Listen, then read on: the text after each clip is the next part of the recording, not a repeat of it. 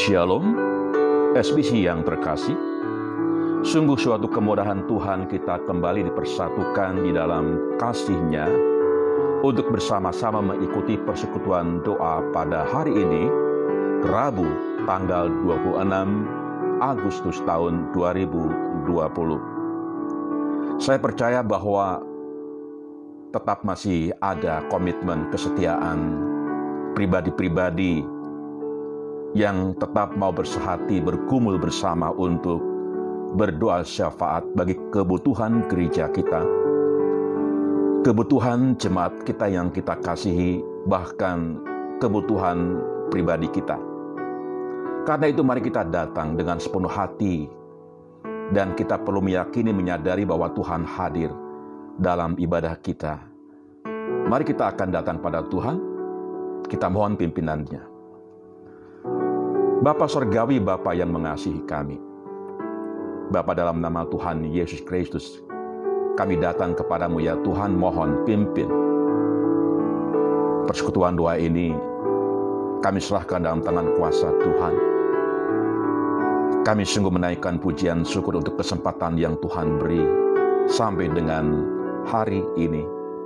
Tuhan berkenan memakai kami sebagai alat di tanganmu, sebagai para pendoa syafaat Tuhan menolong, memimpin sampai pada akhirnya acara ini berlangsung dalam tangan kasih dan kuasa Tuhan. Kami angkat doa ini dalam nama Tuhan Yesus Kristus. Haleluya. Amin. SBC yang terkasih, sebelum kita menaikkan doa-doa syafaat kita, mari seperti biasa terlebih dahulu kita akan merenungkan satu bagian firman Tuhan yang pada hari ini mengambil satu judul Ada kuasa Tuhan dalam kelemahan kita. Dengan nas Alkitab diambil dari 2 Korintus pasal 12 ayat yang ke-9. Demikian berbunyi. Tetapi jawab Tuhan kepadaku, Cukuplah kasih karuniaku bagimu Sebab justru dalam kelemahanlah kuasaku menjadi sempurna. Sebab itu terlebih suka aku bermegah atas kelemahanku, supaya kuasa Kristus turun menaungi aku. SBC yang dikasihi Tuhan, siapakah di antara kita yang tidak pernah merasa lelah? Betapapun kuatnya seseorang, betapapun kuatnya kita, pasti dalam keadaan dan batasan tertentu kita akan merasa lelah. Kita akan mengalami rasa lelah. Sangatlah wajar apabila kelelahan itu dikarenakan oleh berbagai aktivitas pekerjaan, ataupun kesibukan yang dilakukan sepanjang hari. Dengan cukup beristirahat, maka dapat memulihkan kekuatan kembali, sehingga fisik kita, jasmani kita kembali disegarkan. Namun, kita perlu menyadari bahwa tidak demikian halnya dengan kelelahan secara rohani atau kelelahan secara jiwa ini bukan perkara yang mudah untuk begitu saja dapat diatasi.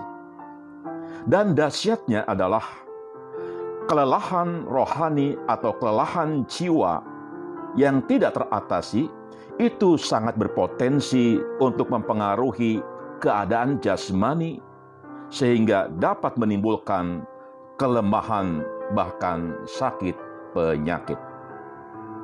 Karena itu kita melihat bahwa tidak sedikit orang-orang yang jiwanya tertekan, yang kondisi rohaninya sedang juga tertekan, itu berdampak pada kesehatan jasmaninya. SBC yang terkasih, ingatlah selalu bahwa kekuatan setiap orang itu ada batasnya. Karena itu pasti rasa lelah pun selalu ada jika lelah secara fisik dapat diatasi dengan istirahat yang cukup, maka tidak ada solusi yang terbaik bagi kita untuk mengatasi kelelahan rohani selain kita mau menyerahkan diri sepenuhnya untuk mau beristirahat di dalam Tuhan. Menikmati saat teduh bersama Tuhan, menikmati refreshment bersama Tuhan, senantiasa mau bersyukur atas karunia Tuhan, dan selalu mau mengandalkan kuasa Tuhan. Tidak ada cara lain, tidak ada solusi lain. Dalam nas Alkitab yang kita telah baca bersama tadi dalam 2 Korintus pasal 12 ayat 9, kita melihat bahwa Tuhan menjawab Rasul Paulus ia berkata bahwa Paulus sudah cukup menerima kasih karunia Tuhan dalam hidupnya. Tuhan juga berkata bahwa apa yang dialami Paulus sebenarnya juga berkat Tuhan yang memungkinkan Paulus untuk bisa menyadari bahwa ia harus bersandar kepada Tuhan saja. Oleh sebab itu, dalam penderitaannya pun Paulus tetap bisa bersyukur. Ia tahu bahwa kalau ia bisa tetap bertahan, itu semata-mata karena Tuhan yang menguatkan dia, karena kasih karunia Tuhan semata-mata. Paulus bisa menerima segala penderitaannya karena ia tahu bahwa Tuhan melalui kuasanya pasti memampukan dia untuk tetap bertahan. SBC yang terkasih, mungkin pada saat ini ada di antara kita yang sedang mengalami berbagai hal yang membuat jasmani kita lelah. Atau mungkin juga ada persoalan berat yang membuat kita tertekan secara rohani. Lalu kepada siapakah kita bisa berseru meminta pertolongan? Jika tidak ada lagi orang yang bisa menolong kita. Tentunya hanya Tuhan yang bisa kita harapkan. Seperti halnya Rasul Paulus, kita bisa dan harus berdoa memohon pertolongan dari Tuhan. Tidak cukup sekali atau dua kali saja, kita boleh saja terus berdoa.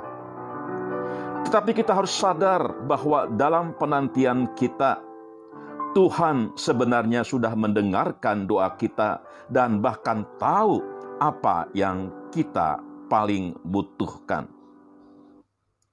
Yang terpenting bagi kita saat ini yang mungkin sedang mengalami suatu tekanan atau kelelahan rohani ialah adanya keyakinan dan kesadaran penuh bahwa Tuhan yang Maha Kasih tidak pernah meninggalkan kita dalam keadaan apa pun. Itulah sebabnya Paulus kuat menghadapi segala persoalan hidupnya. Walaupun dia berkali-kali meminta kepada Tuhan untuk dibebaskan dari duri dalam dagingnya. Memang dalam kelemahan kita bisa merasakan adanya kuasa Tuhan itu. Dialah yang membimbing kita sampai kita menyelesaikan semua tugas kita di dunia ini. Karena itu tetaplah bertahan dalam kuat kuasa Tuhan dan kasih karunia-Nya. Ingatlah selalu bahwa kita masih ada sebagaimana adanya sampai saat ini semua itu karena anugerah Tuhan. Mari SBC yang dikasihi Tuhan, persoalan tetap akan ada dalam hidup kita. Tekanan demi tekanan mungkin sedang kita hadapi, tetapi kita punya Tuhan yang selalu siap untuk memberikan pertolongan kepada kita sekalian. Karena itu mari kita datang kepada Tuhan belajar untuk memandang dia meskipun kondisi kita sedang lelah, mungkin sedang kacau pikiran kita, tetapi ada Tuhan yang selalu siap memberikan pertolongan kepada kita asal kita datang dengan penyerahan penuh kepada Dia dan mengandalkan kuasa Tuhan terjadi dalam kehidupan kita orang yang percaya. Kiranya firman Tuhan ini memberikan kepada kita kekuatan yang baru. Diberkatilah setiap yang mendengarkan firman Tuhan dan yang juga melakukannya, mempraktekannya dalam kehidupan kita sehari-hari. Tuhan Yesus memberkati kita sekalian. Haleluya. Amin. SBC yang terkasih saatnya kita akan berdoa syafaat. Mari kita minta pertolongan Tuhan. Biarlah urapan Tuhan turun atas kita sekalian. Dan seperti biasa, pokok-pokok doa disiapkan melalui grup WA. Silakan untuk disimak. Dan dengan sepenuh hati kita menaikkan doa syafaat ini. Dengan kasih, dengan penuh perhatian, kita menaikkan setiap pokok doa ini di hadapan Tuhan. Yakin dan percaya Tuhan ada, hadir bersama-sama dengan kita. Mari sebelum kita berdoa syafaat, kita akan lebih dahulu berdoa. Bapak terima kasih untuk firman-Mu, Terima kasih untuk kesempatan yang Tuhan beri bagi kami. Kami siap Tuhan untuk menaikkan doa syafaat ini dalam nama Kristus Yesus. Haleluya. Amin. Selamat berdoa syafaat SBC yang terkasih. Tuhan Yesus berkati kita sekalian. Haleluya. Amin.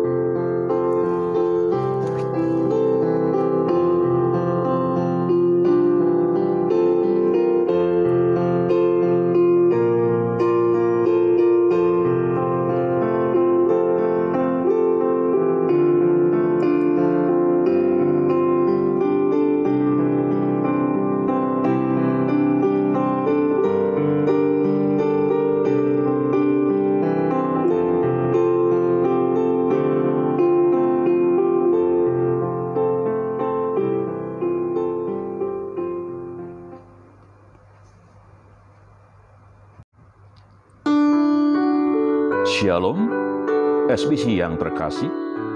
Sungguh suatu kemudahan Tuhan kita kembali dipersatukan di dalam kasih-Nya untuk bersama-sama mengikuti persekutuan doa pada hari ini, Rabu tanggal 26 Agustus tahun 2020. Saya percaya bahwa tetap masih ada komitmen kesetiaan pribadi-pribadi yang tetap mau bersehati berkumul bersama untuk berdoa syafaat bagi kebutuhan gereja kita, kebutuhan jemaat kita yang kita kasihi, bahkan kebutuhan pribadi kita.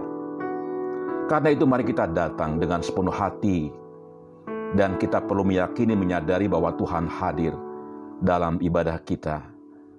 Mari kita akan datang pada Tuhan, kita mohon pimpinannya. Bapa Sorgawi, Bapa yang mengasihi kami. Bapa dalam nama Tuhan Yesus Kristus, kami datang kepadamu ya Tuhan mohon pimpin.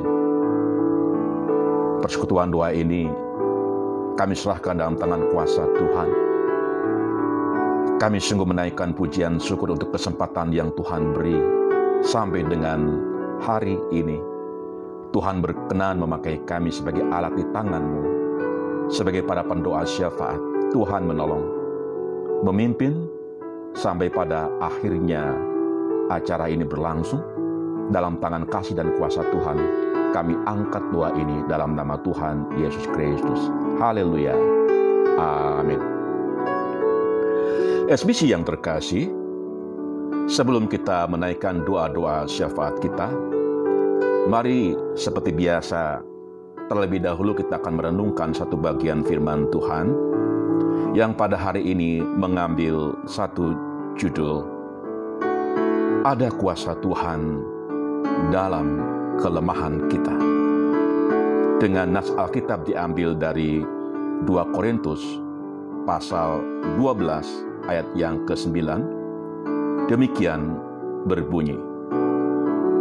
Tetapi jawab Tuhan kepadaku, Cukuplah kasih karuniaku bagimu Sebab justru dalam kelemahanlah kuasaku menjadi sempurna. Sebab itu terlebih suka aku bermegah atas kelemahanku, supaya kuasa Kristus turun menaungi aku.